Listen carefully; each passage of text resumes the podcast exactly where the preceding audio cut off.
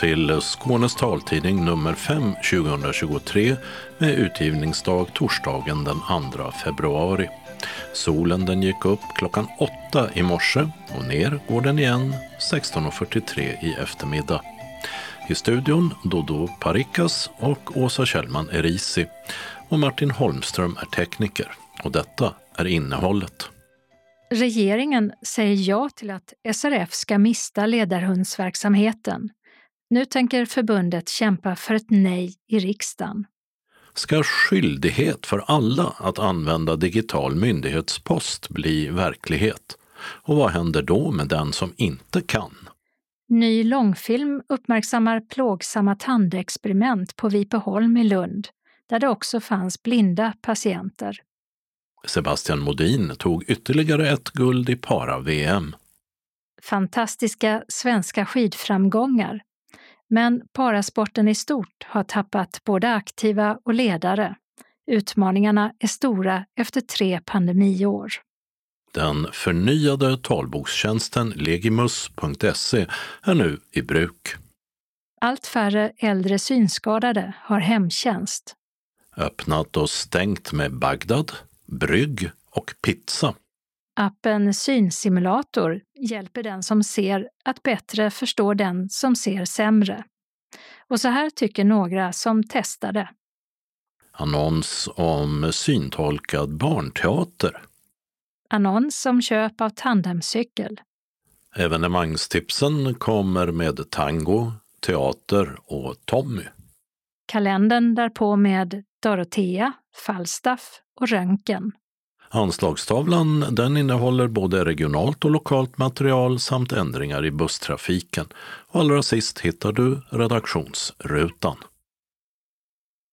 Även den borgerliga regeringen vill flytta över ledarhundsverksamheten från Synskadades riksförbund till Myndigheten för delaktighet. Man går alltså vidare med det förslag som i somras presenterades av dåvarande regering. Det beskedet fick Synskadades riksförbund i förra veckan när man träffade socialtjänstminister Camilla Waltersson Grönvall, Moderaterna. Ett besked som inte bara var ovälkommet utan också oväntat, säger SRFs ordförande Niklas Mattsson. Ja, vi tycker ju att det är väldigt eh, tråkigt att regeringen eh, går vidare med ett eh, sånt här dåligt förslag. Jag hade förhoppningar om att eh, när det blev ny regering att man skulle slänga det här förslaget i papperskorgen och, och börja titta med, med, nya ögon på det och hitta en annan lösning. För vi är ju övertygade om att det är bäst att vi har ledarhundsfrågan hos oss.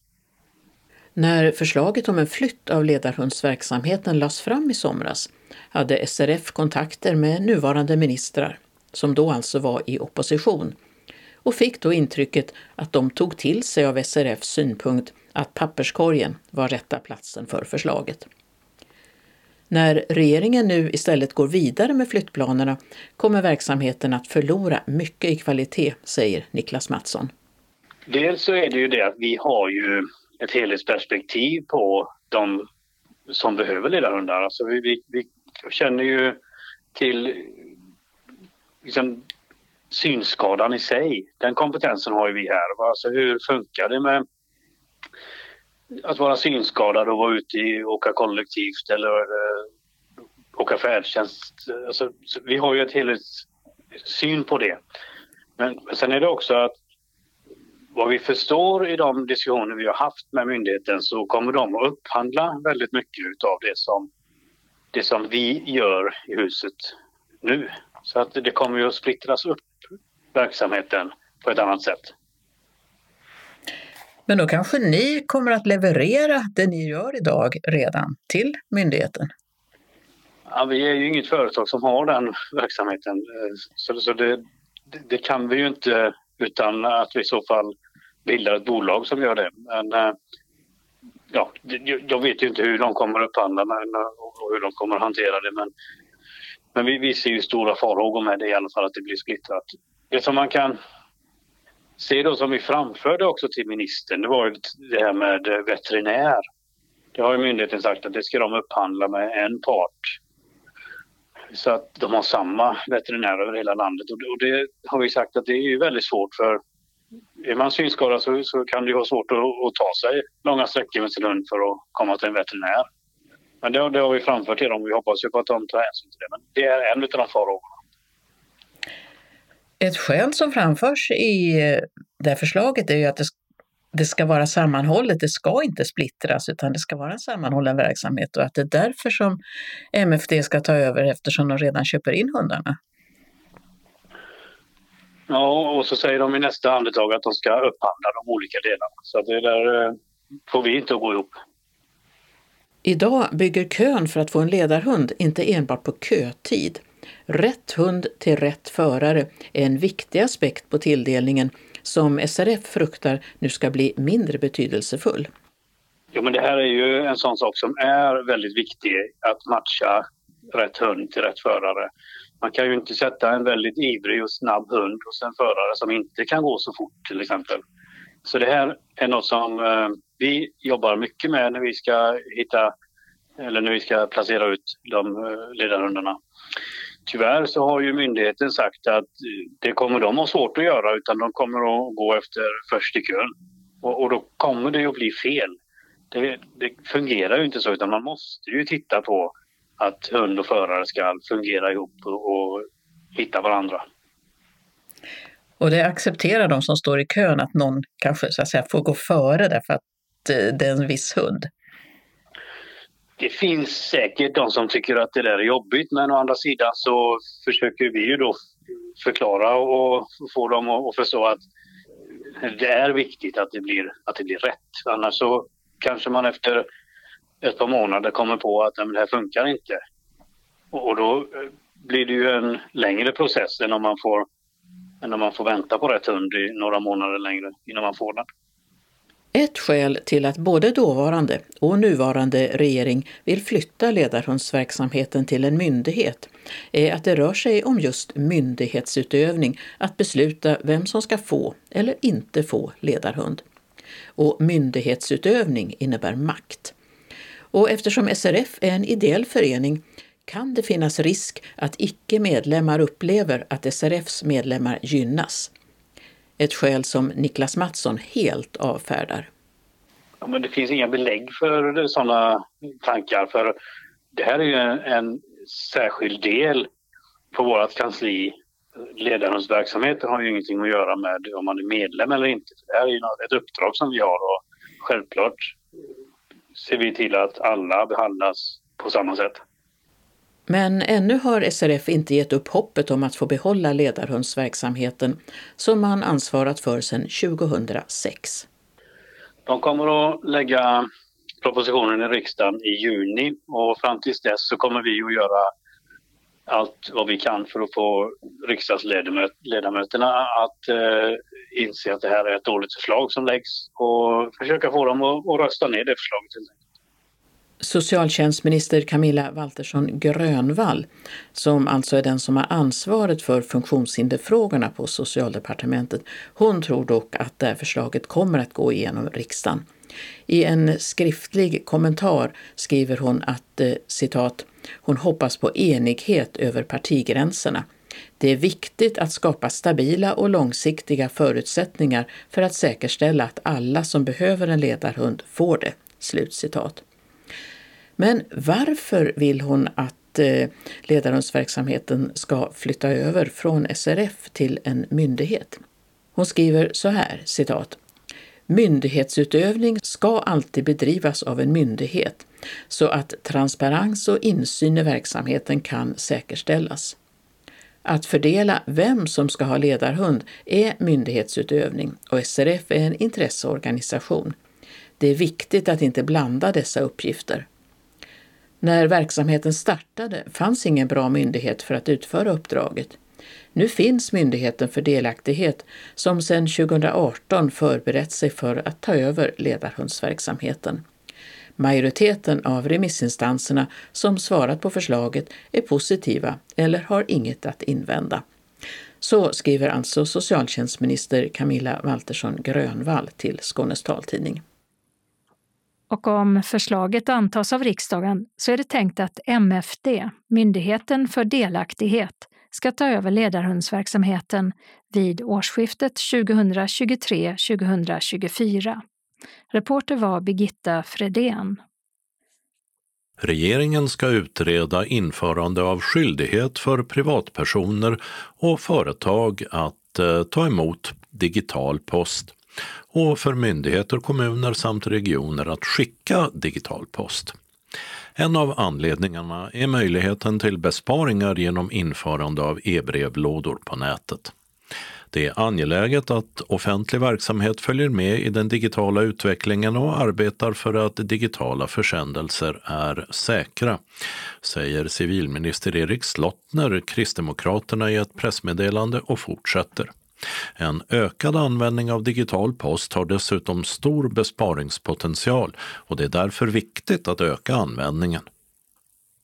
I direktiven ingår att utreda förutsättningarna för hur ett undantag för privatpersoner som inte har förutsättningar att använda digital brevlåda kan utformas. Och dessutom ifall det finns behov av motsvarande undantag för vissa enskilda näringsidkare och juridiska personer.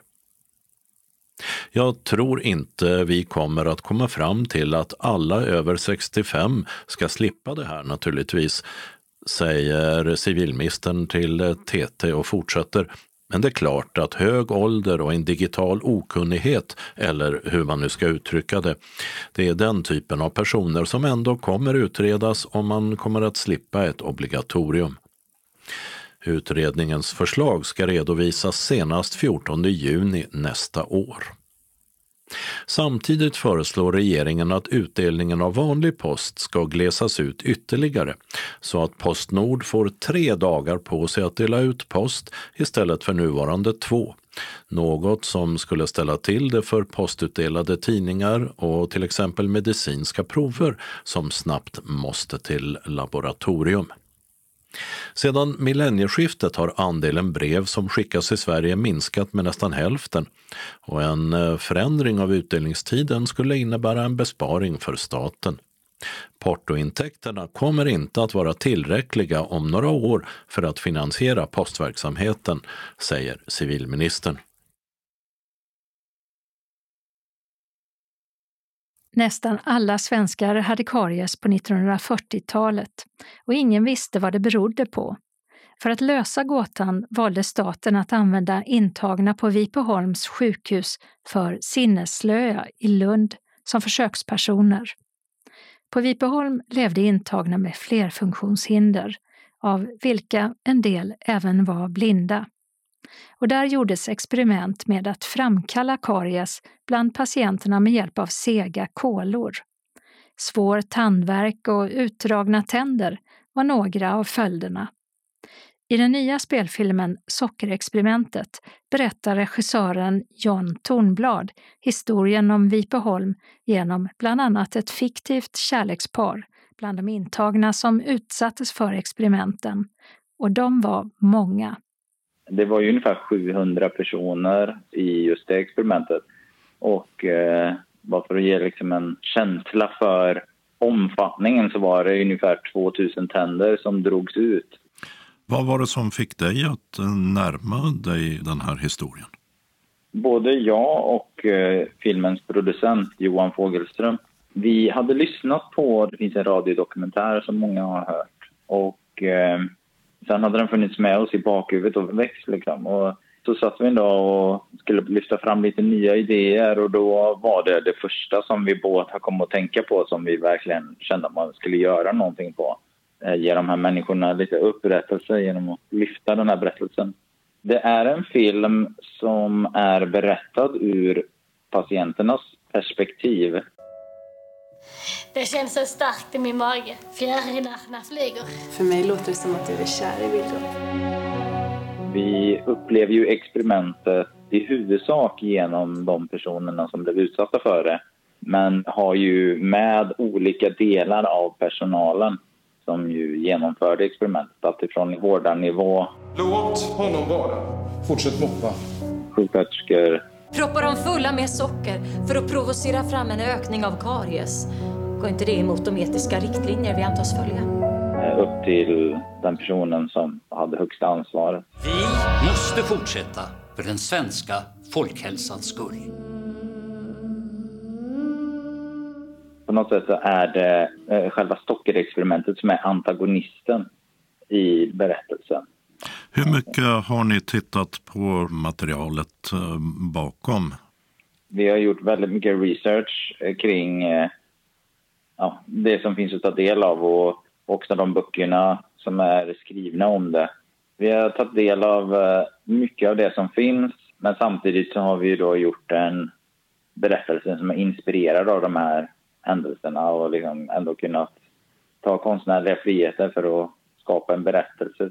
Jag har varit lite försiktig med att eh, lyfta fram verkliga personer för jag tycker att det är eh, så pass känsligt ändå och upplåter det snarare till de människorna som, ja, men som har funnits i deras närhet eller som är släkt med dem. Det, det blir mer upp till dem att lyfta fram sådana personer. Så jag, jag har valt att inte liksom lyfta upp någon som det här är baserat på den här personen eller så. Men det är klart att jag ser ju människor som jag har läst om framför mig och det är många som har, har hört av sig till mig och velat prata. Släktingar som har varit med om det här eller så. Och alla de ser jag framför mig och har ju på något sätt indirekt liksom påverkat eh, den här berättelsen eftersom att det har skett under hela tiden som vi har eh, arbetat med den egentligen. Och hur har du själv påverkats av att eh, göra det här? Väldigt mycket när jag har läst researchen och tagit del av det. Som när jag läste om den här siffran, att det var 2000 tänder som drogs ut. En hisnande siffra. Liksom. Och det, det var väldigt mycket så att eh, ibland har man ju fått lägga ifrån sig researchen för att eh, det blir liksom för tungt. Hur tänker du om det samhälle som tillät och eh, till och med uppmuntrade de här experimenten? Det där tycker jag är en väldigt eh, tudelad fråga. Det är väldigt lätt att döma idag med de insikterna som vi har och den moralen och etiken som vi rör oss i rent tankemässigt. Så det har man ju ändå fått ha med sig att eh, försöka att skildra det här experimentet utifrån de som utförde det och deras världsbild utan att för den sakens skull ursäkta det de gjorde. Försöka gå in och förhålla sig neutralt till det när man berättar det. Väldigt svår balansgång. Samtidigt så vill jag ju också att eh, de som ser den här filmen känner livsglädjen och styrkan som finns hos de här eh, huvudpersonerna. Och också få insikten om grymheten i den här berättelsen. Det sa John Tornblad, regissör till filmen Sockerexperimentet. Vem var det då som utsattes för experimenten på Vipeholm i Lund? Ja, personer med olika funktionsnedsättningar. Många av dem fler funktionsnedsättningar. Och fanns det då också blinda och synskadade bland dessa? Forskaren Elin Bominell skrev sin doktorsavhandling Sockerförsöket om Vipeholmsexperimenten och hon säger så här. Man använder inte ordet blinda så ofta utan det liksom dyker upp vad de har för diagnoser. När patienterna skrivs in så är det absolut en del som är det vi skulle kalla blinda idag. Finns det någonting som visar på att flerfunktionsnedsättning gjorde att patienter blev mer utsatta för försök. Om man dels var väldigt svagbegåvad och dels var blind så blev det lite den tar vi för den är ändå så pass eh, annorlunda. När Vipeholmsförsöken inleds så finns det ungefär 130 sjukhus och anstalter och hem för sinneslöa i Sverige med 13 000 vårdplatser från de andra 129 anstalterna eller vårdställena så kunde man bli remitterad till Vipeholm om man till exempel hade beteenden som gjorde att man skadade sig själv, att man skadade andra, att man kanske inte kunde sköta sin hygien själv, kanske lekte med sin avföring. Så till Vipeholm kom man inte bara för att man var blind eller bara för att man hade intellektuella funktionshinder utan det var för att man behövde dygnet runt-passning. Så när vi Vipeholmsexperimentet genomfördes fanns det tusen patienter där. Alla de försökte man få med i experimentet oberoende av om de hade många olika funktionsnedsättningar eller om de var blinda eller vad de hade för till exempel synskador. Av dem så var det 660 patienter som var med i experimentet. Så var det 340 som inte var med. Och det hade inte att göra med om huruvida de hade en kombination av funktionshinder eller om det var blinda. Utan det hade att göra med om de var smittsamma, om de hade tuberkulos eller om de tyckte så illa om att bli undersökta i munnen att de, de kunde inte berätta att de inte tyckte om det men de slogs. De försökte slå ifrån sig tandsköterskorna och tandläkarna och då behövde de inte vara med så man fick inte använda våld. De intagna på Vipeholm utsattes för karies och tandvärk av bland annat kladdiga kolor. Men eh, hur såg man på detta? Kunde lidande för ett fåtal anses uppväga att ett flertal fick det bättre i och med att man förstod hur karies uppkommer. Ett slags nyttoaspekt alltså. Det är väldigt modernt tänkt. Det är så vi kanske skulle uttrycka det idag. Och, och, det är ju den utmaningen som man har som historiker, att man måste föreställa sig hur det var innan vi hade all den kunskapen som vi har idag. Idag vet vi vad karies beror på. 1942 visste man att 99,9 procent av Sveriges befolkning hade stora karrieringar, så stora att man måste sövas ner för att kunna laga dem. Eh, men man visste inte vad det berodde på. Så att man är i en situation där man inser att vi måste göra någonting åt att förebygga karies. Tandexperimenten de leddes av odontologer, tandläkare, medan själva vården av de intagna på Vipeholm sköttes av personalen där, alltså två separata grupper.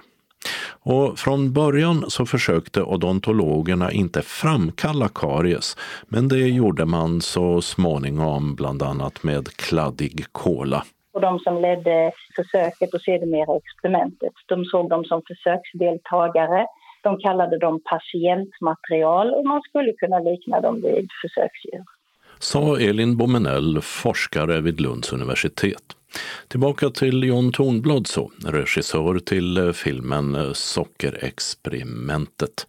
Är han nervös inför filmpremiären? Jag skulle ljuga om jag sa att jag inte var det. Eh, just för att berättelsen är så känslomässigt laddad också. Det är så många som har starka känslor kopplade till den här filmen. Och eh, man vill ju skapa en berättelse som berör publiken och samtidigt behandla berättelsen med respekt. Det skapar ju liksom lite nervositet men eh, jag är otroligt stolt över den här filmen och alla som har varit med och gjort den. Avslutade Jan Tornblad, regissör till spelfilmen Sockerexperimentet som har biopremiär den 10 februari och kommer att syntolkas. Kariesexperimenten pågick under 1940 och 50-talet, men det fanns andra delar av historien. Elin Bommenell, som är tjänstevetenskapsforskare, leder ett projekt vid Lunds universitet som för närvarande forskar kring varför flera hundra patienter dog på Vipeholm i början av 1940-talet. Kan det ha varit så att synen på personer med många svåra funktionsnedsättningar gjorde att dessa utsattes för medveten eutanasi, att de helt enkelt fick svälta ihjäl. Den frågan ska forskarna försöka svara på. Reporter var Dodo Parikas. Och vi ska tillägga att Elin Bomenells avhandling Sockerförsöket finns som talbok producerad med talsyntes. Och på Sveriges Radios hemsida finns en rad dokumentärprogram om Vipeholm. Sebastian Modin och guiden Daniel Rickardsson tog i lördags ett längdskidguld till i para-VM i Östersund. Den här gången i 10 kilometer fristil. Modins andra VM-guld under mästerskapet och fjärde medaljen totalt. Sebastian Modin tog en tidig ledning och den växte under loppets gång. I mål var han 27 sekunder före tvåan Jake Adikoff Trea blev ukrainaren Oleksandr Kazik. I onsdags i förra veckan tog duon brons i 10 kilometer skidskytte trots hela sju bommar. De var bara två sekunder efter den tyske silvermedaljören Nico Meisinger som bara hade en bom. Ukrainaren Kasik tog här guldet med tre bom och mer än en minut före de två andra. Modins medaljskörd i VM blev två guld, ett silver och ett brons. En revansch för förra veckans diskning i favoritgrenen sprint som han sedan tidigare hade två VM-guld i. Fyra medaljer är mer än vad jag kunnat hoppas på. Jag fick en miss och två kant in kan man säga, sa han till SVT efter lördagens lopp. Och Sebastian Modin gav ensam Sverige det bästa resultatet i VM på över 20 år.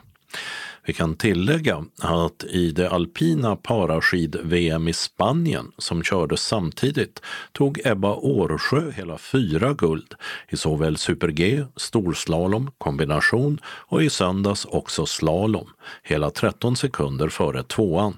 Att lägga till sina dubbla guld från senaste Paralympics.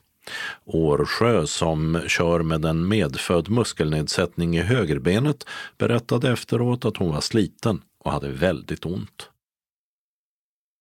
Stora framgångar för svensk paraskidåkning alltså, tack vare Sebastian Modin och Ebba Årsjö. Fast under dem är det rätt tunt och det gäller fler parasporter.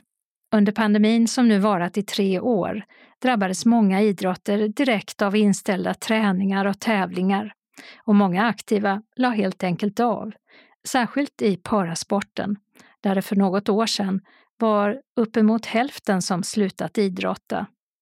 Nu är restriktionerna borta och det är möjligt att träna nästan som förr. Så hur mår parasporten idag? Åsa Linares Norlin är ordförande för Svenska Parasportförbundet och Sveriges paralympiska kommitté. Jag skulle säga att den är på bättringsvägen. Vi har fått tillbaka flera av våra idrottare även om vi fortfarande har ett stort tapp som ligger på ungefär drygt 40 procent. Men sakta men säkert så plockar vi tillbaka idrottarna och utövarna på lite olika sätt. Då.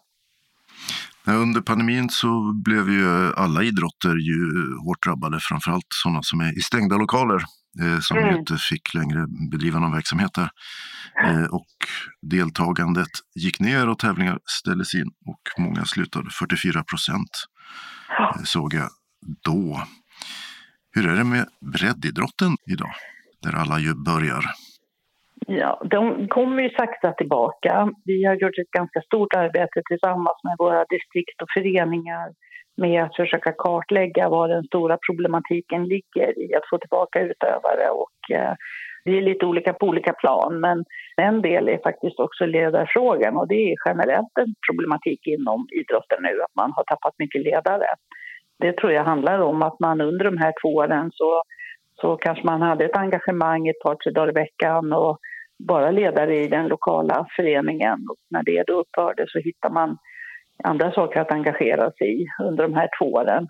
Och sen det, kan det vara svårt att komma tillbaka därför att man har ja, plötsligt andra saker som man, man gör på den tiden som man förut ägnade åt, åt idrottsutövandet då, eller var ledare i en lokal förening.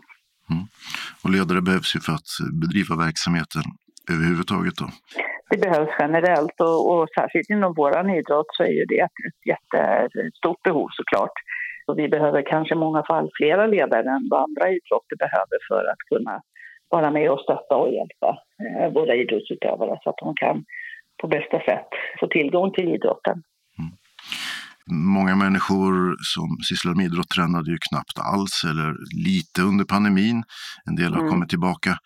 Sen handlar det om nyrekrytering också. Hur jobbar ni med det? Vi har ju ett rekryteringsprojekt som vi jobbar med som heter Start Impossible Camp där vi bjuder in till regelbundet till olika typer av verksamheter för att kunna eh, visa upp idrotten och prova på idrotten och som alltid sker i ett samarbete med en lokal förening så att det inte bara blir en dagslända, att man kommer dit och provar och sen finns det inte något mer utan det ska också göras då i samarbete med föreningen så att man också kan på det sättet få en tillhörighet ganska direkt för att komma in och fortsätta sitt eh, idrottsutövande. Elitidrotten, hur mår den idag? Ja, men tittar vi på vintersidan så mår ju den väldigt bra. Det är en liten trupp som vi har med få utövare, men de vi har är ju enormt starka. Så det är ju jätteroligt att se om vi bara tittar på de resultat vi har fått nu, både från det alpina VMet och också från längdsidan då. Dels med Sebastian Modin såklart som har gjort sitt bästa VM någonsin med två guld, ett silver, ett brons och Ebba Årsjö på alpinsidan som har tagit fyra guld. Så det är ju fantastiskt, men det är ju för få på den nivån. Så det är ett arbete som vi också behöver fortsätta att utveckla på olika sätt för att få fler. Men där tror jag att just den här typen av mästerskap, när man så tydligt får se och vad man kan och vad som kan göras för någonting blir också en inspirationskälla till fler att börja eh, och hitta vägen in i idrott. Precis som i all annan så behöver man ju de här förebilderna. Nivån på parasporten har ökat internationellt. Ja. Eh, att de får mer resurser och många heltidsidrottare. Alltså de mm. satsar som proffs medan man i Sverige har den synen att man ska arbeta eller studera och väldigt ja. få kan leva på sin idrott. Hur ser det mm. ut där idag? Ja, det är, det är ett generellt problem inom idrotten. Ska jag säga. Det rör inte bara paraidrotten, utan det här rör hela idrotten. Eh, och vi gör nu efter ett arbete tillsammans med Riksidrottsförbundet och Sveriges olympiska kommitté och vi från parasporten då är att, att titta på hur vi kan öka resurserna för elitidrott. Att man, att man ska kunna satsa på sitt idrott som ett yrke. Och då behövs det absolut mycket mer resurser för det. Um, och det handlar ju väldigt mycket nu om att bara påvisa de eh, faktorer som faktiskt gäller för den här gruppen generellt och elitidrottare och vilka förutsättningar de lever under. Och många lever under existensminimum idag. Så det är ju ett synnerligen stort behov. Och där tror jag att man har en annan syn från eh, svensk sida än vad man har i många andra länder. Där idrotten i andra länder ses som någonting väldigt positivt och man, man satsar på sin idrott och på sina idrottare. Mm. Du är själv gammal elitidrottare. Hur har det mm. utvecklats. Under en tid det, sen du var aktiv? Ja, det har utvecklats enormt. enormt. Alltså jag tänker det bara nu när vi tittade på VM med dagliga sändningar på Rikstelevisionen och där man verkligen med professionella kommentatorer som verkligen eh, på ett bra sätt, tycker jag, förklarar idrotten och de förutsättningar som, som gäller för, för idrottarna och refererar det på ett bra sätt. När jag höll på då faxade vi hem våra resultat till dagstidningarna och så la man in resultaten på familjesidorna efter vigslar, döda, förlovningar, födda. Där någonstans låg handikappidrott, mm. som det hette då. Så det är en enorm utveckling vi ser idag. Och vi ser också ett stort, eh, ett stort intresse från näringslivet att gå in på olika sätt och vara med och stötta för att utveckla idrotten generellt. Och, och bakgrunden till det tror jag också är att man ser de enorma effekter som det har av att vara aktiv. Särskilt hos personer med funktionsnedsättningar. Vi vet att hälsan är så... Den, är ju, den, är, den, blir bättre för alla, så att säga, även om man inte har en funktionsnedsättning. Men för våra målgrupper blir det ännu mer avgörande. Det kan ju vara skillnad på att man, att man klarar sig själv eller att man behöver hjälp i vardagen då, beroende på att man, att man har en stark fysik och en, en stark mental hälsa som gör att man, man kan eh, leva ett fullgott liv. Det kan man göra även om man behöver hjälp, men, men vi ser en stor skillnad i det. det gör vi. Så vi har sett en professionalisering av parasporten, på elitnivå i alla fall, samtidigt som många på kanske framförallt breddnivån har försvunnit under pandemin. Vad ser du för utmaningar framöver? Ja, rätt många skulle jag säga. Eh, det handlar ju inte bara om att det ska finnas en idrott där man bor som man tycker om och vill utöva. Utan det handlar ju också om att det ska vara tillgängliga lokaler, att det ska fungera med transporter till och från, ledare eller ledsagare. Ja, det är flera olika faktorer egentligen som, som behövs för att det här ska fungera. Och det där behöver man jobba med både på nationell nivå, på distriktsnivå och på föreningsnivå för att det här ska få ihop hela den här tårtan liksom med alla sina respektive bitar. Ehm, så att jag tror att det, vi har kommit en lång bit på väg. Vi har en lång väg kvar såklart, men jag tror att man, man får bara nöta på helt enkelt och försöka identifiera de faktorer som på olika sätt försvårar och försöka lösa dem. Det sa Åsa Linares Norlin som är ordförande för Svenska Parasportförbundet och för Sveriges paralympiska kommitté. Reporter var Mats Sundling. I förra numret av taltidningen berättade vi att lanseringen av den nya versionen av talbokssajten legimus.se som skulle ha släppts av Myndigheten för tillgängliga medier, MTM, då fördröjts av tekniska problem som inte upptäckts tidigare. Men detta har hunnit bli historia och nu fungerar nya legimus.se. Avsikten med den nya versionen av sajten är att genom en renare och enklare design förenkla sökande efter och beställning av talböcker, dock ännu inte punktskriftsböcker. Den gamla versionen av Legimus finns också kvar en period parallellt med den nya för att inte kasta ut användarna direkt i annorlunda funktioner. Den 27 januari var det hemtjänstens dag, då bland annat fackförbundet Kommunal uppmärksammar hemtjänstpersonalens vardag och villkor, till exempel rätten till arbetskläder och skyddsutrustning. I år satte SRF sökljuset på de synskadade brukare som har hemtjänst. Detta eftersom antalet äldre synskadade som får hemtjänst har gått ner 17 procent de senaste årtiondena. Och skärskådar man siffrorna så fick över 50 procent av synskadade över 85 år hemtjänst i början av 2000-talet. Idag är det bara 35 procent av den gruppen som har hemtjänst. Det visar SRFs senaste äldreundersökning. Förbundet har sammanställt en kravlista där man, bland mycket annat, kräver att handläggares och tjänstemäns kompetens om hur olika funktionsnedsättningar, till exempel synskada, påverkar vardagslivet. Dessutom att all hemtjänstpersonal ska ha kunskap om synskador och synskadades behov och att personal som besöker synskadade ska känna individen och känna till dennes behov. Öppnat och stängt. I Hör har det privata vårdbolaget Kry öppnat vårdcentral och barnmorskemottagning i Coloramahuset vid Gamla torg. Bolaget är mest känt för sin digitala vård med kontakt via mobil och dator, men har även fysiska vårdcentraler man kan lista sig hos. I Skurup har Östergårdsskolan öppnat igen efter renovering. I Klippan har korttidsverksamheten för barn och unga inom LSS flyttat till nya lokaler på Bryggerigatan. I Helsingborg invigdes i helgen ett monument vid kajkanten i Ångfärjeparken till åminnelse av Raoul Wallenberg, Förintelsen och de judiska flyktingar som kom till Sverige via Helsingborg under andra världskriget. Minnesmärket består av en sten med citat från överlevare och en av konstnärsparet Gustav och Ulla Kreitz Raoul Wallenberg-portföljer i brons.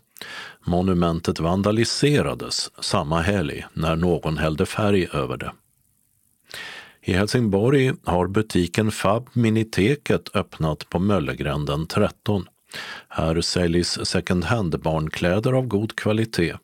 Tidigare fanns den försäljningen i Fab eller Familjen AB-butiken på Drottninggatan 27 där man nu kommer att inrikta sig på second hand-damkläder och senare även inredning. I Kristianstad har den norska kedjan Pizzabakerens franchisetagare stängt sin pizzeria i Galleria Boulevard. Sedan tidigare är pizzabakaren på Skarpskyttevägen 3 i Lund stängd och därmed har kedjan inga pizzerior kvar i Skåne. I Malmö har Bagdad Livs stängt. Butiken låg sedan 90-talet i hörnet Kristianstadsgatan Ängelholmsgatan och har kallats en av Möllevångens mest ikoniska matbutiker.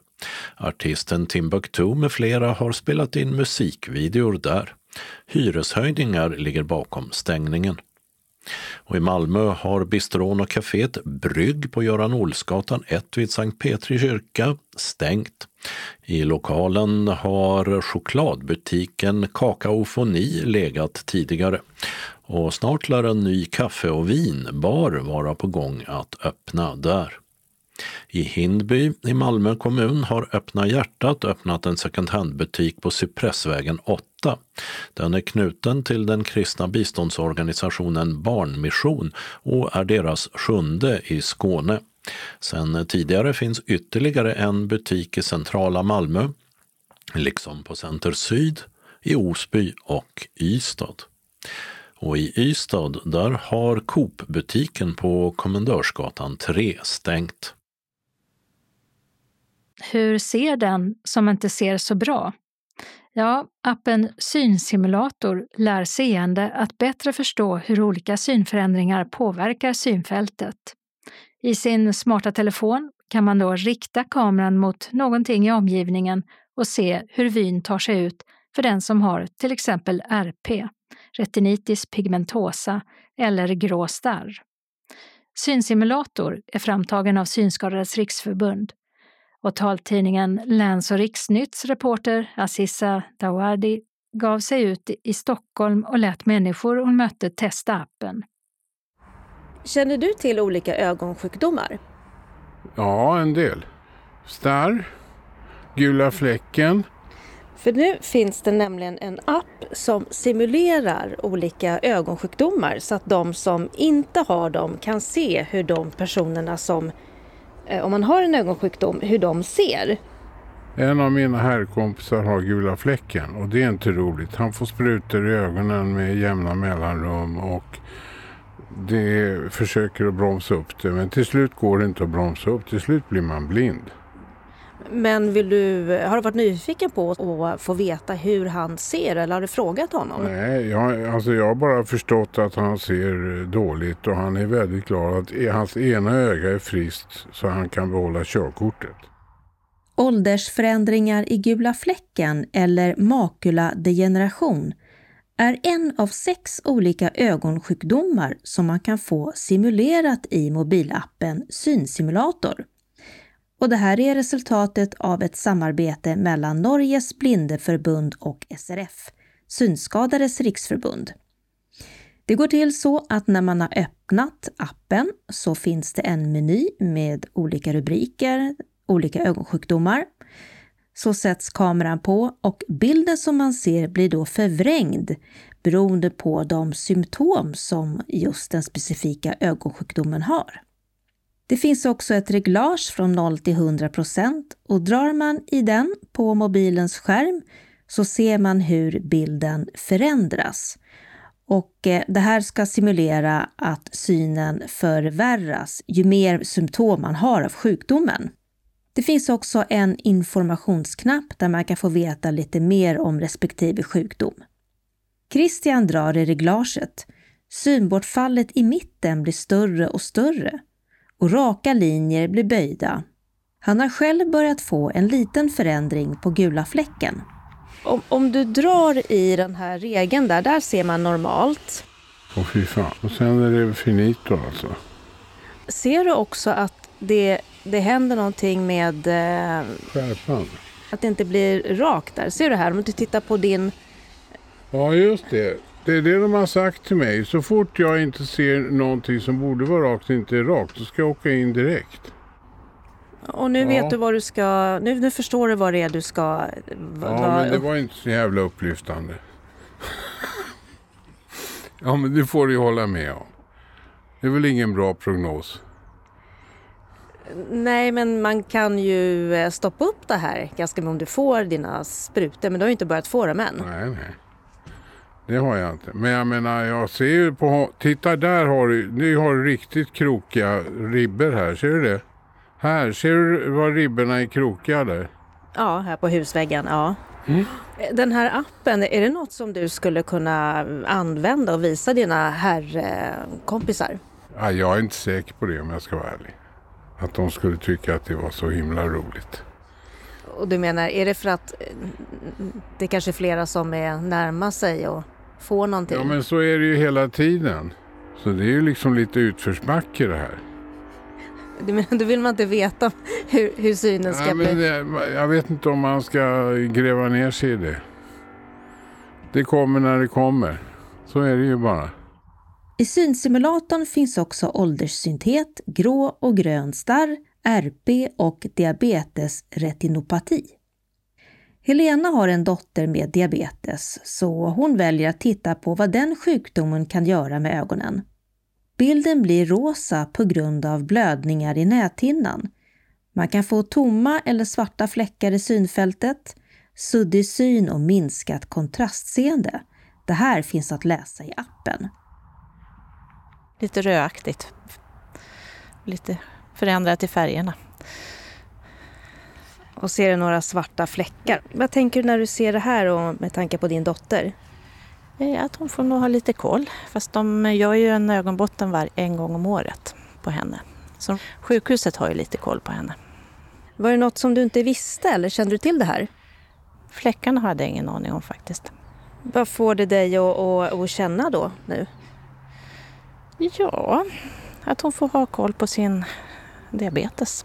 Och se till att sockret ligger bra. Kommer du prata med henne på något annat sätt nu när du har sett det här? Ja, plus att hon kan ju ladda ner den där appen till exempel. I appen skriver de också att symptomen naturligtvis kan skilja sig mellan olika personer som har samma diagnos, men att de har valt att visa de mest typiska. Och syftet är att seende ska få en möjlighet att få en uppfattning om hur personer med synnedsättning kan uppleva sin omgivning. Vad det förväntas leda till framgår inte. Känner du till någonting om ögonsjukdomar? Uh, alltså jag vet att min hund hade ju någon sorts uh, gråstarr eller någonting. Så jag tror också min morfar har det. Men jag vet inte om det är bara för djur eller för människor också. Men det är väl någonting. Hur tror du att uh, man ser när man har gråstarr? Alltså jag tänker ju liksom som ett litet, som ett litet lock för ögat. Som så, här, så att man kanske inte ser ut lika bra. För det är väl lite som en sorts beläggning som lägger sig på ögat här kan man då kolla. Ska vi titta då? För det finns en som heter grå starr och det heter katarakt. Det ser ut som du kollar genom en dålig, dålig mobilkamera alltså. Är det här en app som du skulle eh, kunna ha och visa dina kompisar om att så här ser det ut? Nej, det tror jag inte. Men om du kände någon som hade just någon av de här sjukdomarna förutom din morfar då som har gråstarr, skulle det då vara intressant? Eh, det beror på hur nära vän de är. Men ja, kanske. Vad heter du? Uh, Hakan. Rebecka jobbar i hemtjänsten. Idag har hon med sig Marie-Louise på promenad. Marie-Louise har opererats för gråstarr och har också gula fläcken. Det är simuleringen av den som Rebecka får se, hur synfältet är tomt i mitten. Och fy vad jobbigt att se så här. Ja. Som en liksom mm. hål. Ja, jo men det ser man ibland på tv. När du kollar på tv så ser du? TV. Vrida på huvudet då, eller ja. för att? Jo, det gör jag. För att se bättre. Jag tror det. Att man ser bättre då. Men det gör man ju inte. Ser du också att linjer blir liksom böjda? Ja, det liksom går som en eh, virvel som liksom smälter ihop allting. Har du så att raka linjer blir böjda? Ja, de har blivit böjda linjerna. Rebecka, hur eh, påverkar det dig att du vet nu hur Marie-Louise ser? Alltså det känns ju jättejobbigt att kunna, alltså, se sådär. Och det är ofta man glömmer bort. För om man själv ser bra så förväntar man sig att andra ser så också. Men det kanske inte riktigt är så. Nej. Och det får man ju se nu när man får se hur det egentligen alltså, ser ut. Man, jag hade ju ingen aning. Jag tänkte att det kanske är lite så här suddigt. Det är ju jätteolika. Kommer det påverka hur ni jobbar tillsammans? Ja, alltså det kan det ju göra. Att man tänker lite mer på hur man ja, rör sig i närheten och visar saker och hur man, ja hur man är egentligen. Det är bra. Ja. ja.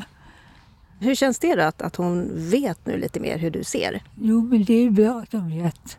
Jag tänker det här kan väl kanske vara bra för personer som jobbar i hemtjänsten att veta om det här? Ja, Alltså det kan vara bra för alla att se alla olika sorters eh, ögonsjukdomar eller vad det är. Hur eh, förhåller du dig till eh, ja, dina ögon eller så som du ser? Jo, men det, det blir normalt på något sätt. Ja, men på kvällen ser jag ju sämre. Det gör jag. Sörjer du över att du inte ser så bra som du gjorde tidigare? Ja, oh ja, det gör man. Jag slår tårna ofta. Det är jättejobbigt. Och sen går jag i mörker. Jag ser inte när jag går på toaletten eller någonting. Man får försöka och, och se i alla fall. Man gör inte det. Behövs lite mer lampor med andra ord? Ja, det behöver jag nog. Hon har ju några stycken men de lyser inte upp så bra egentligen och om man redan har problem med ögonen så tror jag inte att det hjälper så jättemycket med de där just som finns nu. Så det kan ju vara bra faktiskt att hitta några starkare. Mm. Jo, det är riktigt. Då ska vi se här. Då har jag laddat ner den här appen för att testa.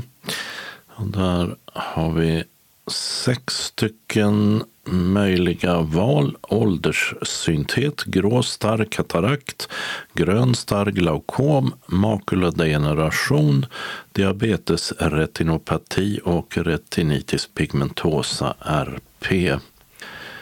Grå starr. Och då får jag upp en bild på 92 procent allting är som i en grå dimma. Och går jag ner till 21 procents grå starr så är det bara en aning grått. Där kopplar vi om, då tar vi grön starr. Det finns fyra varianter att välja på. Vi trycker på 1. Då dyker det upp en svart plump på vänster sida som följer med vad jag än tittar på. Där var det två. Då är det plötsligt två stycken stora fläckar men samtidigt har synfältet minskat så att det är som en tv-ruta fast väldigt ojämn i kanterna. Där byter vi till tre och då är det bara två hål att titta ut igenom och får man flytta runt. Och så går vi till makuladegeneration. Här har vi återigen en graderad skala. Och då när jag för kameran runt så Raka linjer blir böjda. Vi flyttar till 63 procent. Då är det plötsligt inte längre några linjer som är annorlunda utan då är det ett stort svart mörkt hål i mitten som är suddigt ute i kanterna mitt i synfältet. Så ökar vi till 85 procent. Då är det allt mer av synfältet som har försvunnit. Så. Och så byter vi till diabetes retinopati. Ja, då är det det här med blodkärlsförändringarna som gör att bilden är rosa och så är det mörka fläckar spridda. Nu står den på 90 procent. Jag flyttar den. Och då är det svagare fläckar som är i hela synfältet. Det här gjorde faktiskt att jag eh, förstod väldigt mycket mer om vad olika typer av synnedsättningsformer gör med synen. Jag har fått det mesta beskrivet för mig. Men den här appen ger faktiskt en väldigt bra insikt om vad det innebär. Det menade vår reporter Dodo Parikas och reportaget från Stockholms gator var gjort av Aziza Dawadi på Läns och riksnytt så har vi en annons om syntolkad barnteater från Teater 23 i Malmö.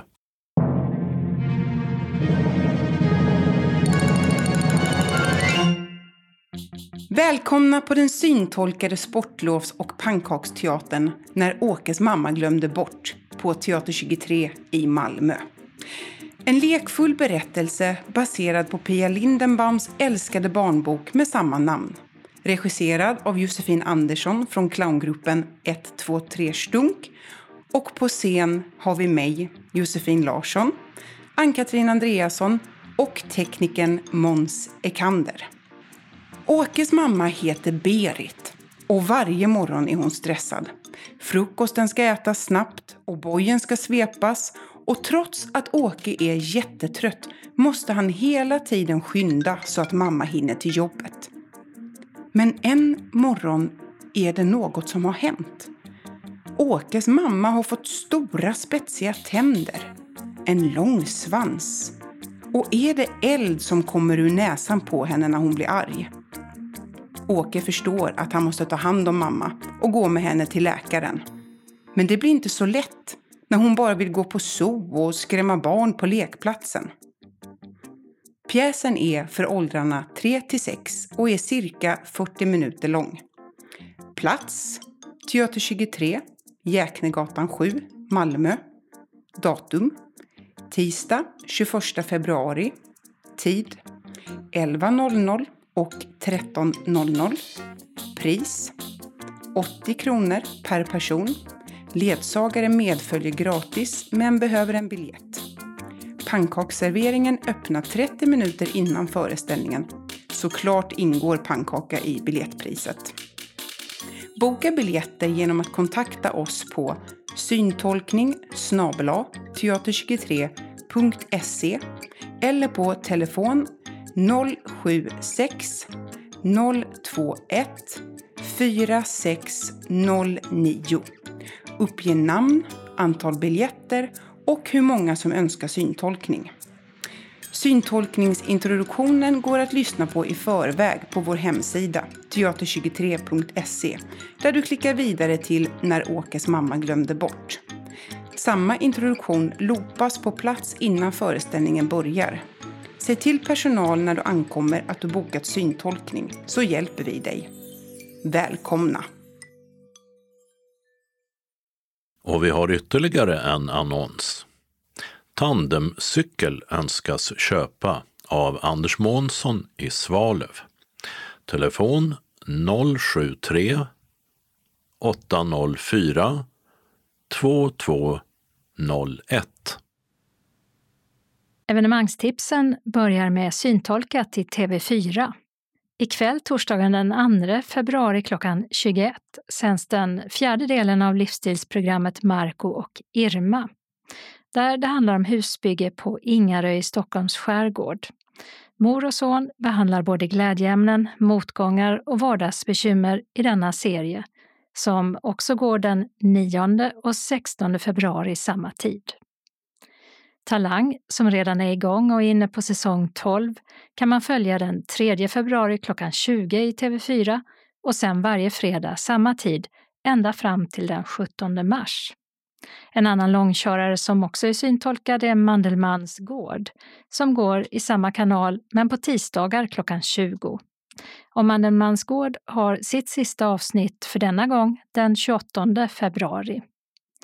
På onsdagar klockan 21 är det Renés brygga som är inne på den nionde säsongen.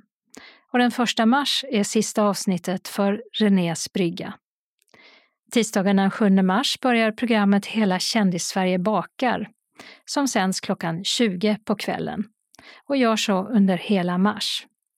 Onsdagen den 8 mars klockan 21 börjar en ny serie och det är Min mamma, din pappa som är ett nytt datingprogram och som handlar om vad som händer om man låter barnen, i det här fallet unga vuxna barn, styra över sina föräldrars datingliv. Programledare är Linda Lindorff och programmet går sedan varje onsdag. Program inklusive syntolkning hittas via sajten tv4.syntolken.se. Filmen En dag kommer allt det här att bli ditt har fått syntolkning och uppläst text för bio. Filmen är en personlig berättelse om att komma hem, våga möta det förflutna och om att växa upp, regi och manus Andreas Öhman och i huvudrollerna Karin Frans Karloff, Peter Haber och Susanne Reuter. Hiphop-veteranerna Latin Kings ger två konserter i Skåne. Nu på lördag den 4 februari spelar de på The Tivoli i Helsingborg. Start 20.30. Biljetter säljs av Tixter för 350 kronor. Och fredagen den 10 februari klockan 20 spelar de på KB i Malmö. Här kostar det 395 kronor hos Eventim. Sångaren John Lundvik uppträder tillsammans med 500 sångare från hela Skåne och en kör från Sydafrika, Star Choir, på Ystad Arena den 8 februari klockan 19. Konserten går under namnet Star for Life in Concert och överskottet går till Star for Lifes arbete för skolungdomar i södra Afrika. Ystad Arena ligger på Fridhemsgatan 31 och biljetter till evenemanget kan man köpa hos Eventim. Vuxna betalar 375 kronor och barn upp till och med 15 år betalar 60 kronor. Tango Delirium är namnet på en konsert med Ruben Salmander på Ystad teater den 11 februari klockan 19. På scenen också ackordionisten och kompositören Minna Verlander och stråkkvartetten Deseo String Quartet. Det blir både nya och lite äldre tangos arrangerade på nytt sätt. Biljetterna kostar 380 kronor och köps av Ystad Teater. I Tomelilla Folkets park visas familjeföreställningen Fika med fastedettan den 11 februari klockan 14. Vi får träffa fastedettan som genom att berätta om sitt liv vill få oss att reflektera över vårat. Det är en föreställning för tre generationer från nio år. Och tanken är att barn, vuxna och seniorer ska kunna ta till sig föreställningen tillsammans som spelas i teaterhallen. Det är kaféteater och medhavd fika avnjuts tillsammans med fastedettan som spelas av skådespelaren Ola Citron i pausen. Biljettpris vuxna 60 kronor, barn fri entré. Och det är Tixter som säljer biljetterna. Evolutionsbiologen, Fråga Lund-deltagaren och forskaren Jessica Abbott kommer till Stadsbiblioteket i Landskrona den 16 februari klockan 18 till 19 och föreläser under rubriken På väg in i biologins storhetstid. Moderna metoder betyder att det blir enklare att kartlägga och skräddarsy arvsmassan hos både växter och djur och människan. Vilka möjligheter och fallgropar leder det till i framtiden?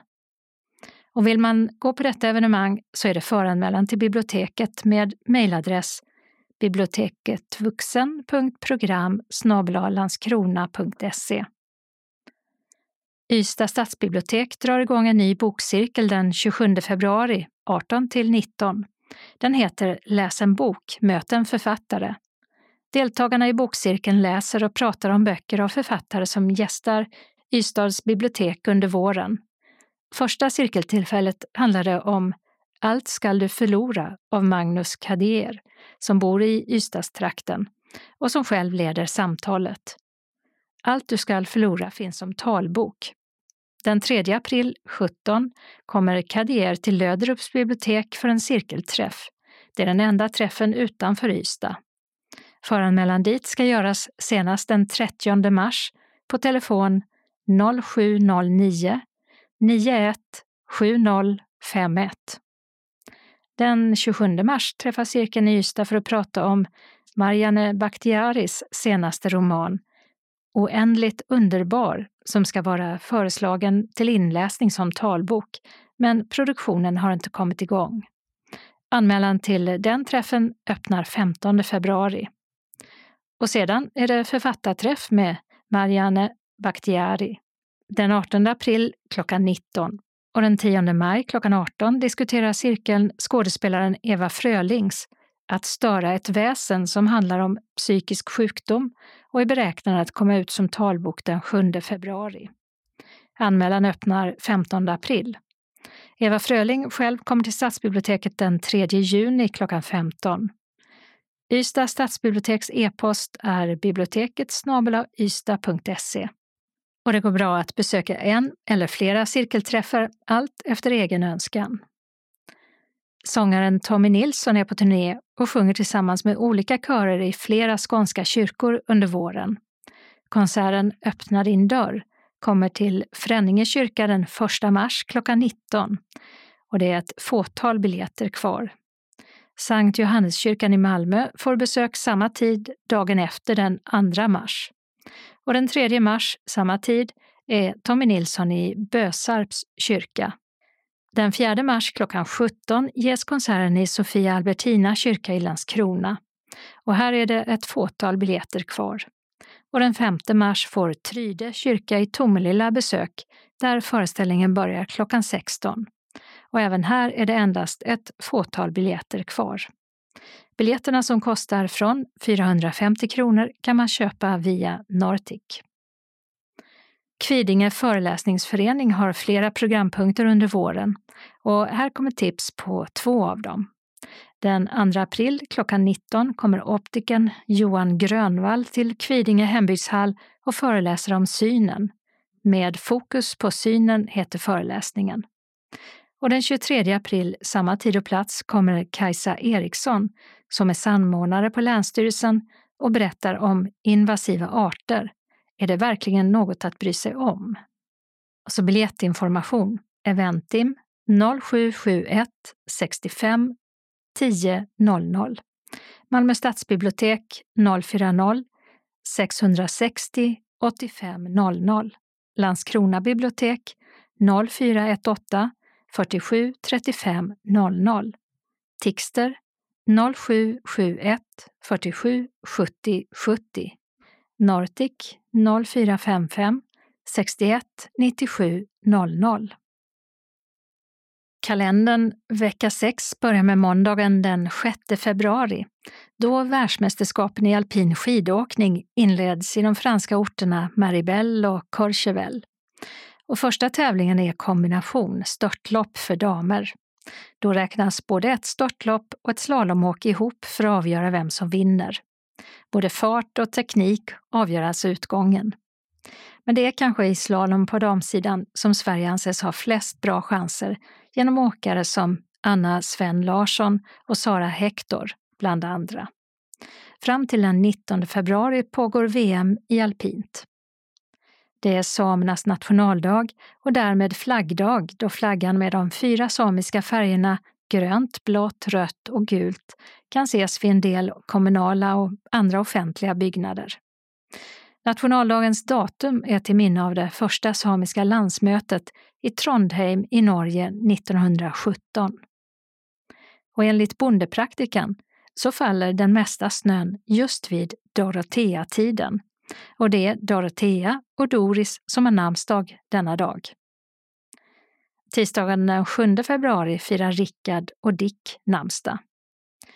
Och onsdagen den 8 februari, då heter namnsdagsbarnen Berta och Bert. I Oberhof i Tyskland är det VM i skidskytte som pågår till den 19 februari. Framförallt Elvira Öberg, men också Hanna Öberg, är svenska medaljhopp. Så även Martin Ponsiluoma, regerande sprintvärldsmästare. Och vill man följa tävlingarna så sänds de i SVT och SVT Play. Torsdagen den 9 februari har EU ett extrainsatt toppmöte i Bryssel där bland annat frågor om migration ska avhandlas. Och i Malmö börjar Malmö Open med olika parasporttävlingar med deltagare från många länder. I Umeå är det bilsport och Svenska rallyt som pågår till söndagen. Och en av gästerna är den bilsportintresserade prins Carl Philip. För 130 år sedan hade den italienske kompositören Giuseppe Verdis opera Falstaff urpremiär på den berömda La Scala-teatern i Milano. Och Falstaffs libretto, alltså texter, är inspirerat av flera av William Shakespeares pjäser, till exempel Henrik den fjärde och En midsommarnattsdröm. Namnsdag har Fanny och Franziska. Fredagen den 10 februari är det Iris som har namnsdag. För hundra år sedan avled Wilhelm Röntgen, då 77 år gammal. Han var tysk fysiker och den som upptäckt strålarna som uppkallats efter honom och fått så stor betydelse. 1901 fick han Nobelpriset i fysik. Lördagen den 11 februari har Yngve och Inge namnsdag. För tio år sedan meddelade påven Benediktus den 16 att han skulle abdikera från sitt ämbete några veckor senare på grund av sin hälsa och ålder. Han var 85 år då. Och att en påve abdikerar på eget initiativ, det hör till ovanligheterna och har inte skett sedan slutet av 1200-talet. Benediktus gick nyligen bort på nyårsafton, 95 år gammal. Söndagen den 12 februari firar Evelina och Evi namnsdag. Regional anslagstavla. SRF Malmö Svedala bjuder in alla SRF-medlemmar i Skåne till syntolkad teater av Rädsla urholkar själen på Intiman i Malmö. Torsdag 16 mars, samling 18.15 på Östra Rönneholmsvägen 22 i Malmö. Handling. Har du funderat över om du är en del av en rasistisk kultur, kanske helt omedvetet? Kärleksrelationen mellan den äldre städerskan Emmy och den unge marockanska gästarbetaren Ali provocerar omgivningen. Deras förhållande utmanar normen och ställer frågor om intolerans på sin spets. Rainer Werner Fassbinders mästerverk är lika aktuellt idag som när filmen med samma namn som pjäsen kom 1974. Föreställningen börjar 19.00 och är en och en halv timme lång.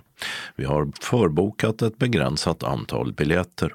Ordinarie pris 240 kronor. Betala till bankgiro 192-96 45 eller swish 123 077 8050 senast 28 februari.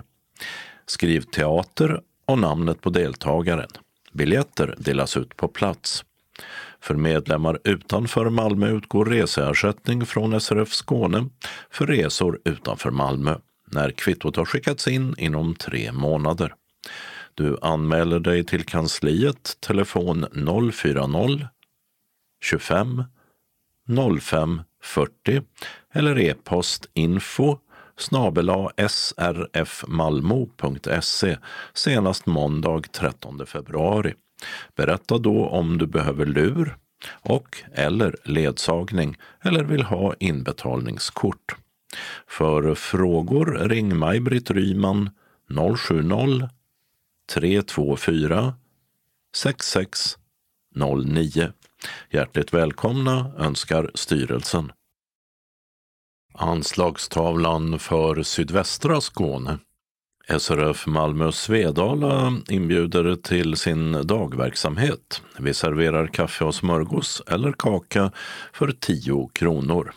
Man anmäler sig till kansliet, eh, telefon 040 25 05 40 om man tänker komma på någon av dagaktiviteterna senast klockan 10 samma dag som aktiviteten. Måndag 6 februari 13 till 15 träffas vi och umgås med lite fika och diskuterar aktuella nyheter samt läser lite ur tidskrifter. Ibland hinner vi även med frågesport. Och tisdag 7 februari 13 till 15.15 15 blir det bingo.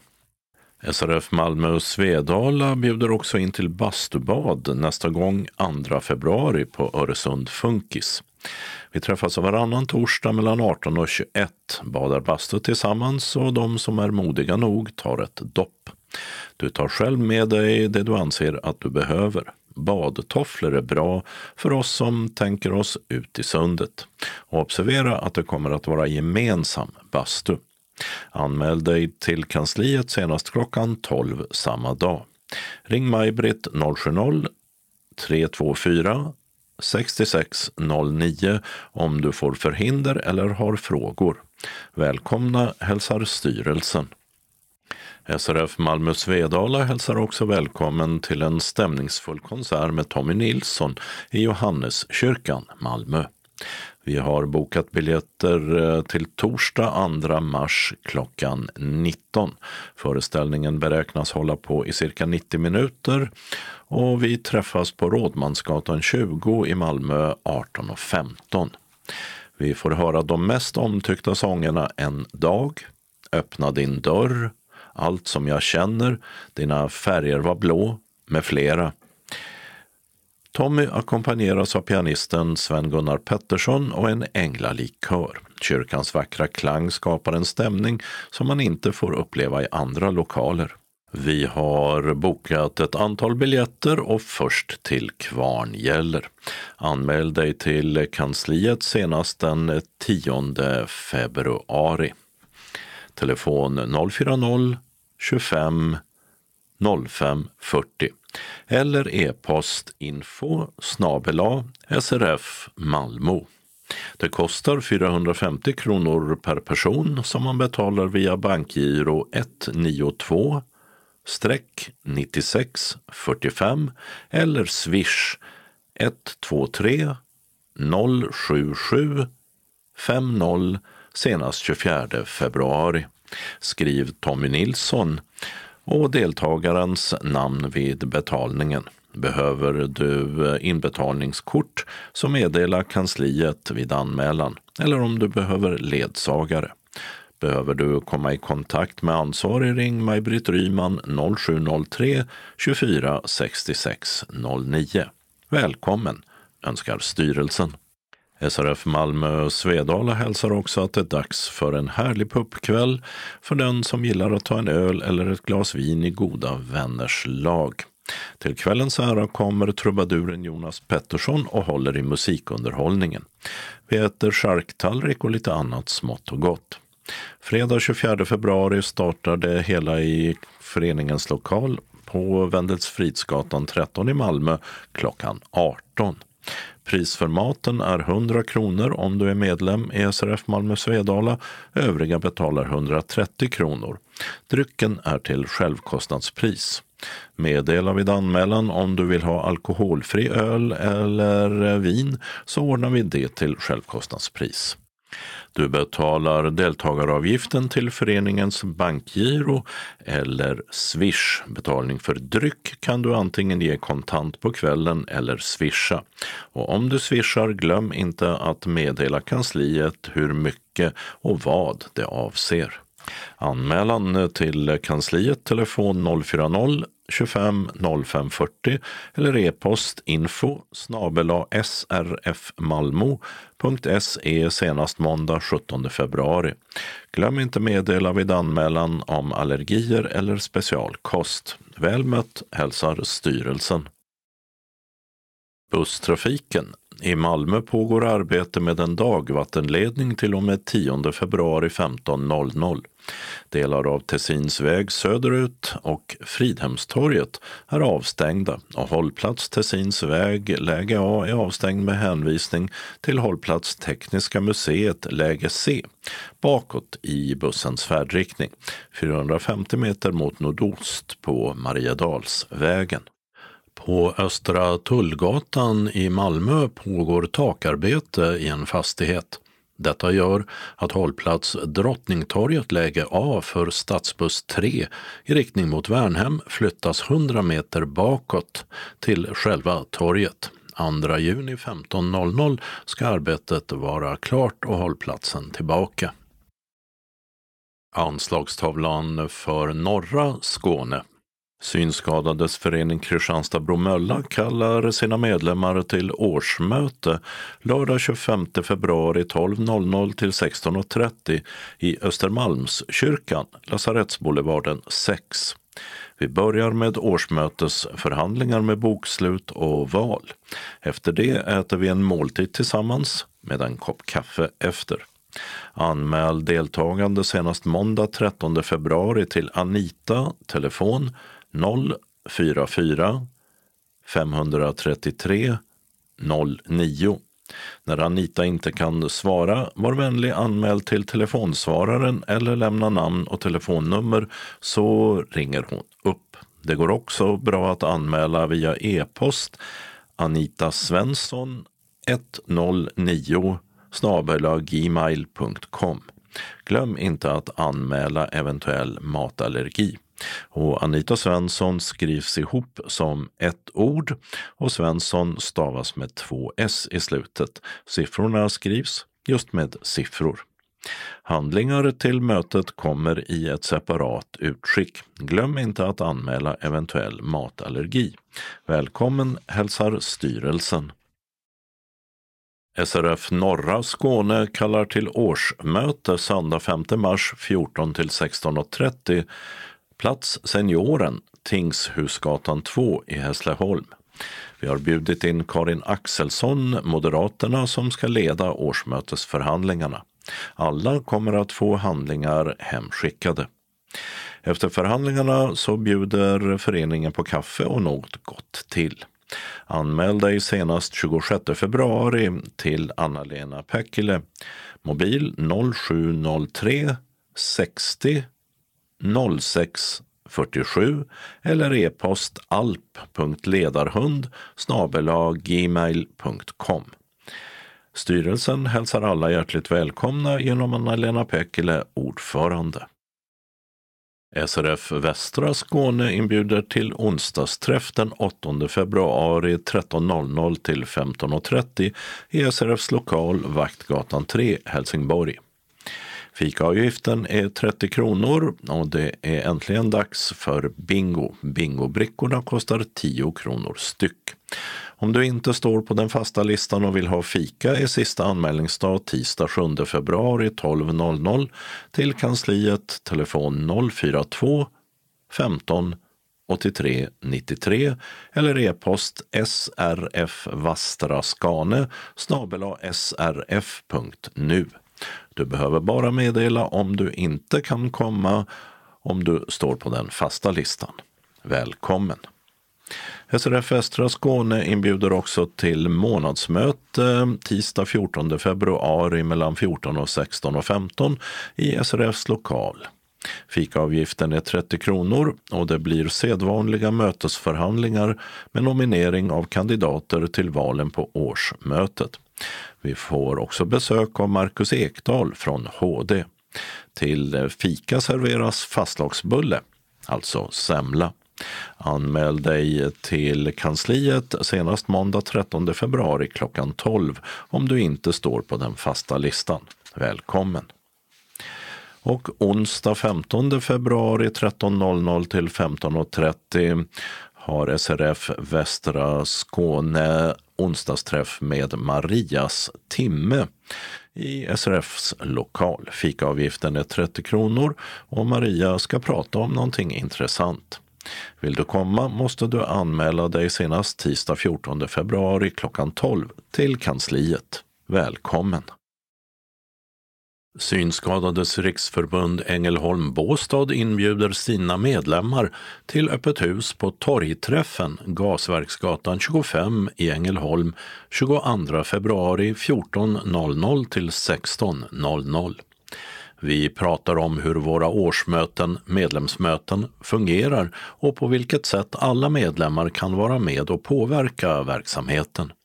Vi kommer också att berätta vilka aktiviteter vi ska anordna under året. Ingen förhandsanmälan behövs och vi bjuder på fika. Välkomna undertecknat styrelsen. Busstrafiken vi har tidigare berättat att stadsbuss 8 i Helsingborg berörs av ombyggnad på Drottninggatan och att hållplats Tågagatan i bägge riktningar är avstängd. För läge A gäller tillfällig hållplats X 160 meter åt sydväst på Karl Johans gata och för läge B 130 meter till hållplats Y. För Sundstorget läge A hänvisas till tillfällig hållplats 130 meter åt väst på Kungsgatan. Nu är slutdatumet flyttat till 1 april 16.00. Anslagstavlan för mellersta och sydöstra Skåne. SRF Lundabygden bjuder in till samtals och studiecirkeln Vardagstips. Vi träffas varannan måndag med start 6 februari. Här utgår vi från teman som finns i boken med samma namn och du får bra och användbara tips på saker som kan underlätta i din vardag. Det kommer även finnas utrymme för att ge varandra tips och idéer på hur du kan lösa olika praktiska problem i din vardag. Ledare Simon Tienso. Du kan anmäla dig på 046 211 06 74. Anmäl dig senast 2 februari och gör det även om du varit med tidigare. Deltagandet är kostnadsfritt. Cirkeln träffas i föreningslokalen mellan 13.30 och 15 inklusive fika. Har du frågor kan du ringa Simon. Desiree på kansliet har telefonnummer. Välkommen! SRF Ringsjöbygden hälsar medlemmarna välkommen på årsmöte måndag 20 februari 17.00 till 19.00 på Korridal i Eslöv. Information och årsmöteshandlingar erhålles efter anmälan. Observera att anmälningstiden ligger tidigare än vad som meddelats innan. Detta för att vi ska hinna skicka ut handlingarna. Anmälan senast 6 februari till Birgitta på telefon 0705 50 32 61 eller 0413 54 13 33 eller mejl till kjellingemo outlook.com K-J-E-L-L-I-N-G-E-M-O outlook outlook.com. SRF Sydöstra Skåne kallar lokalföreningens medlemmar till årsmöte lördagen den 4 mars 13.00 till 16.00. Plats Odd Fellow, Missunnavägen 5, Ystad. Vi inleder med att äta en god varmrätt. Efter mötesförhandlingarna serveras kaffe och te med kaka och vi kan mingla lite. Jennifer Hawkins, som är syntolk, berättar om sitt arbete och vad man kan syntolka och hur det går till. Hela aktiviteten är kostnadsfri. Medlemmar får sina reskostnader ersatta mot kopia på färdtjänstfaktura. Vi måste ha fått din reseräkning senast tre månader efter årsmötet för att kunna betala ut ersättningen. Din anmälan som är bindande vill vi ha senast söndag 26 februari till Jonny Ekström, telefon 0739 09 3945 eller e-mail luttas 1 gmail.com L-U-T-T-A-S och en etta. Eller Vicky Svedrell 0708 37 53 58. När du anmäler dig vill vi att du talar om ifall du behöver särskild kost eller har något annat önskemål vi bör ta hänsyn till. Vi skickar ut årsmöteshandlingar närmare årsmötet. Varmt välkommen önskar styrelsen. Och det var allt för denna gång. Nästa nummer av Skånes taltidning kommer torsdagen den 9 februari. Skånes taltidning ges ut av Region Skånes psykiatri och habiliteringsförvaltning. Ansvarig utgivare är Martin Holmström. Postadress Jörgen Ankersgatan 12, 211 45 Malmö. Telefon 040-673 09 70. E-post Skanes taltidning snabela skane.se och hemsida skanestaltidning.se. Observera att CD-skivorna inte ska skickas tillbaka till oss. Såväl skivor som kuvert kan läggas i brännbara sopor när ni inte längre vill ha dem. Vi hörs igen. Hej då!